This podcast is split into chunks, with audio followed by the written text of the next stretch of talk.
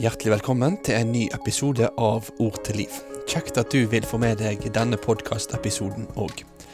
Jeg holder nå på med en serie om Abraham i Det gamle testamentet, og den serien den kommer denne episoden til å fortsette på. Så eh, få med deg den, og få med deg serien òg videre framover. Og hvis du har noen spørsmål til historien om Abraham, ikke vær redd for å ta kontakt. Snart kommer det en spørsmål og svar-episode, der jeg tar opp en del av de spørsmålene som det lyttere har skrevet inn eller fortalt meg i løpet av produksjonen. Så gi beskjed hvis det er noe du tenker på at du vil høre mer om når det gjelder Abraham. Men nå er det tid for dagens episode.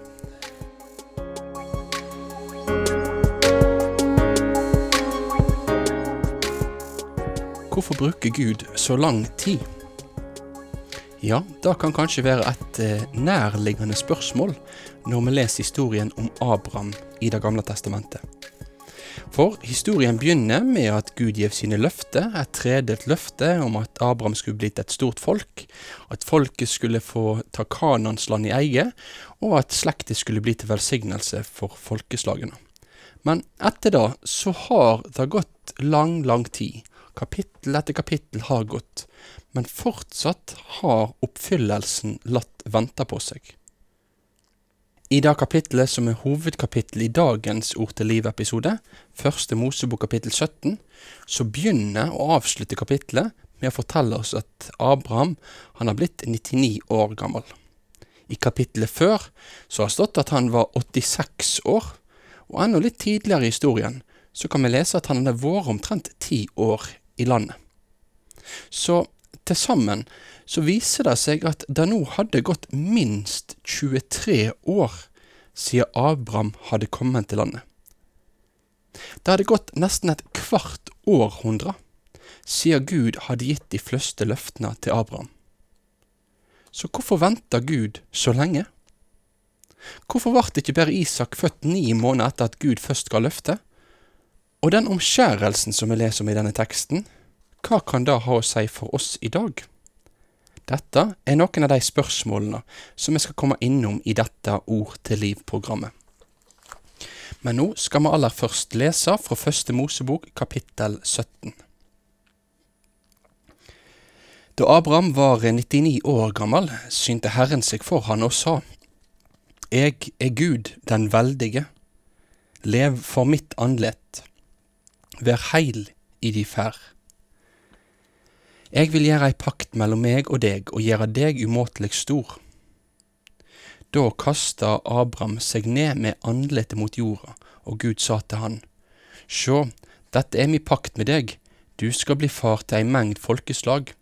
Du skal ikke lenger heite Abraham, men Abraham skal navnet ditt være, for jeg gir deg til far for mange folkeslag. Jeg vil gjøre deg svært fruktbar, ja, gjøre deg til mange folkeslag. Konger skal gå ut fra deg. Jeg vil opprette mi pakt mellom meg og deg og etterkommerne dine, fra slekt til slekt, ei evig pakt. Jeg vil være Gud for deg og etterkommerne dine. Landet du bor i som innflytter, heile Kanaan, vil jeg gi deg og etterkommerne dine i eie til evig tid og jeg vil være deira Gud. Så sa Gud til Abraham, Du skal halde pakta mi, både du og etterkommerne dine fra slekt til slekt. Dette er pakta det skal halde, pakta mellom meg og dykk og etterkommerne dine. Alt av hannkjønn hos dykk skal omskjærast. Det skal la forhuda bli omskåren, og det skal være tegnet på pakta mellom meg og dykk. Hvert gutebarn hos dykk skal omskjærast når det er åtte dager gammelt i slekt etter slekt, både de som er født i huset, og de som er kjøpte for penger hos fremmede, slike som ikke er av diett. Både de som er født i huset, og de du har kjøpt for penger, skal omskjærast. Såleis skal pakta mi være ei evig pakt på kroppen dykkar. Men ein uomskåren, ein av hannkjønn som ikke har fått forhudet omskåren, ein slik skal støytast ut fra folket sitt, for han har bråte mi pakt. Og Gud sa til Abraham, Sarai, kona di, skal du ikke lenger kalle Sarai. Sara skal hun heite. Jeg vil velsigne henne og gi deg en sønn også med henne. Jeg vil velsigne henne, og hun skal bli til folkeslag. Konger over mange folk skal komme fra henne. Da kasta Abraham seg til jorda og lo. Han sa til seg sjøl, kan ein som er hundre år gammel få barn, og kan Sara føde hun som er 90 år gammel? Og Abraham sa til Gud, måtte Ishmael få leve for ditt andlet. Da sa Gud, sannelig, Sara, kona di, skal føde deg en sønn, og du skal kalle han Isak. Jeg vil opprette mi pakt med han, ei evig pakt for etterkommeren hans. Jeg har hørt i bønn for Ishmael. Sjå, jeg vil velsigne han og gjøre han fruktbar og overmåte tallrik. Tolv hovdinger skal han bli far til, og jeg vil gjøre han til et stort folkeslag. Men pakta mi vil jeg opprette med Isak, som Sara skal føde deg neste år på denne tida. Så var Gud ferdig med å tale med han, og han steig opp fra Abraham. Samme dag tok Abraham Ishmael, sønnen sin, og alle av hankjønn i huset sitt, både de som var født i huset og de som var kjøpte for penger, og skar forhuda på dem, slik som Gud hadde sagt han. Abraham var 99 år gammel da forhuda hans vart omskåren, og Ishmael, sønnen hans, var 13 år gammel da han vart omskåren. Samme dagen vart de omskårne, både Abraham og Ishmael, sønnen hans, og alle mennene i huset hans, både de som var fødde i huset, og de som var kjøpte hos framande, vart omskårne med han.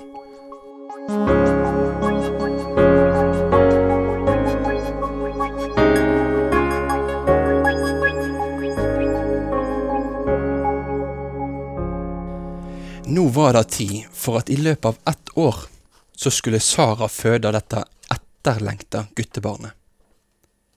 Men som jeg innleder med å spørre om, hvorfor hadde det egentlig gått så lenge? Hvorfor brukte Gud så lang tid? Vi har ikke et fullkomment svar på dette, for vi tror jo på en Gud som gjennomfører alt etter sin plan og vilje, og gjør saker i si tid. Så Guds timing, det er Guds timing, ikke din eller min timing.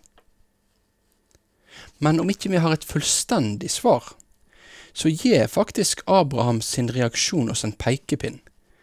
For eh, når han får høre da at den 90 år gamle Sara skulle føde en gutt, ja, så sto det i teksten at han kasta seg til jorda og begynte å le. For det er jo totalt latterlig at noe sånt skulle skje. Ventetida, de nærmere 25 årene som hadde gått, de hadde gjort at han nå var forbi all menneskelig fornuft å tro at dette gamle og ufruktbare ekteparet skulle bli foreldre. Det gikk ikke an. Nei, det gjorde ikke det. Det gikk ikke an. Men det som er umulig for mennesket, det kan Gud gjøre. Og gjennom det at det var akkurat dette ekteparet som nå vart med barn, så blir det synliggjort for oss at vi nå står ansikt til ansikt med Guds direkte inngripen. Det er ingen tvil i historien, det skulle ikke være tvil for noen av de som sto rundt. Er dette tilfeldigheter? Nei, her er det Gud som griper inn for å holde sine løfter. Det er løftesønnen som nå kommer. Merk deg dette i møte med denne teksten her. Gud er en Gud som holder sine løfter, og det er et mønster i Bibelen at Guds store gjerninger, de skjer ofte der det menneskelig sett ser helt umulig ut. Selv om noe for oss ser helt umulig ut, så skal vi få ha vår tillit til at om Gud har gitt et løfte i sitt ord om denne saken, så vil da løftet bli oppfylt, uansett hvor beksvart det kan se ut for oss. For meg er dette med døden kanskje det aller tydeligste eksempelet. For jeg skal være helt ærlig at for meg så ser det helt umulig ut at mennesket skal stå opp fra grava. Jeg har aldri sett det, jeg har aldri møtt det i levende live på en gravplass.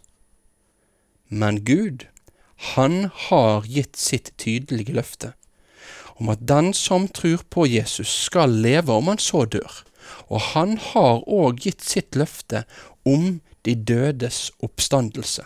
Det er umulig i menneskeøyet, men det er likevel det som skal skje, fordi Gud har lova det, og Guds ord og Guds løfte står fast, og det kan du stole på. Men tilbake i teksten, så kan vi se at den 99 år gamle Abraham han får nå et nytt navn.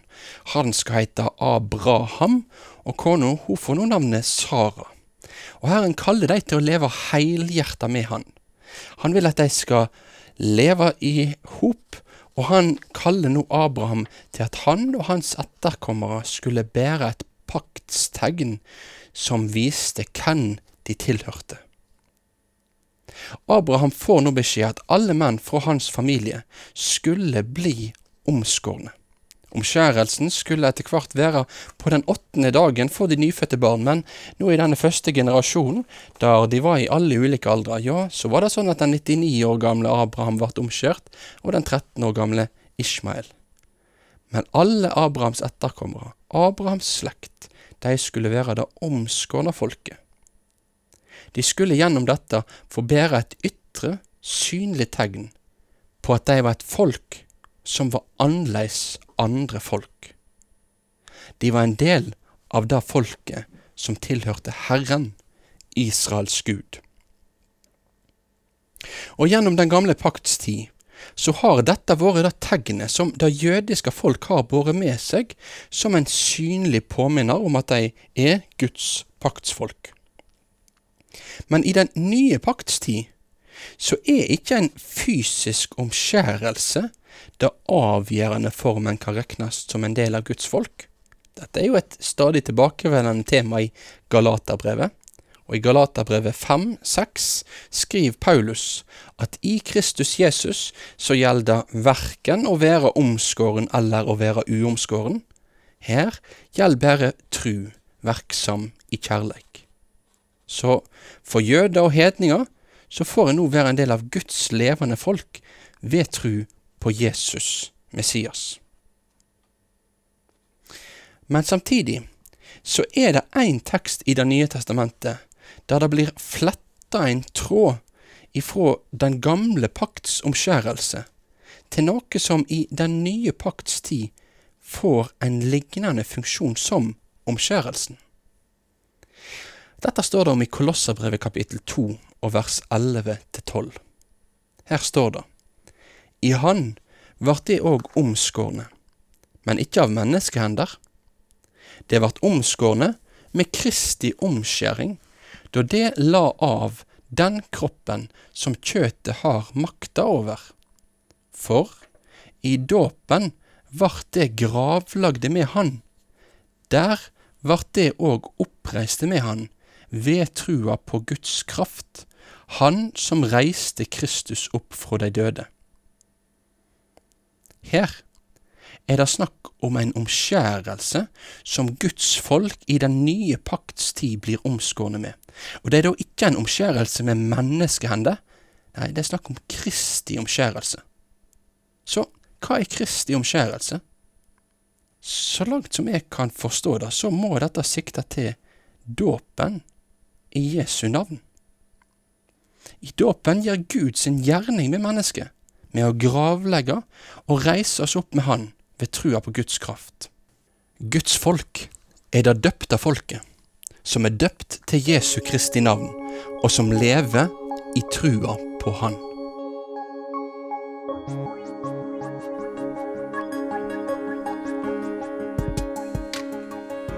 Da sier jeg tusen takk for at du valgte å få med deg denne Ord til liv-episoden.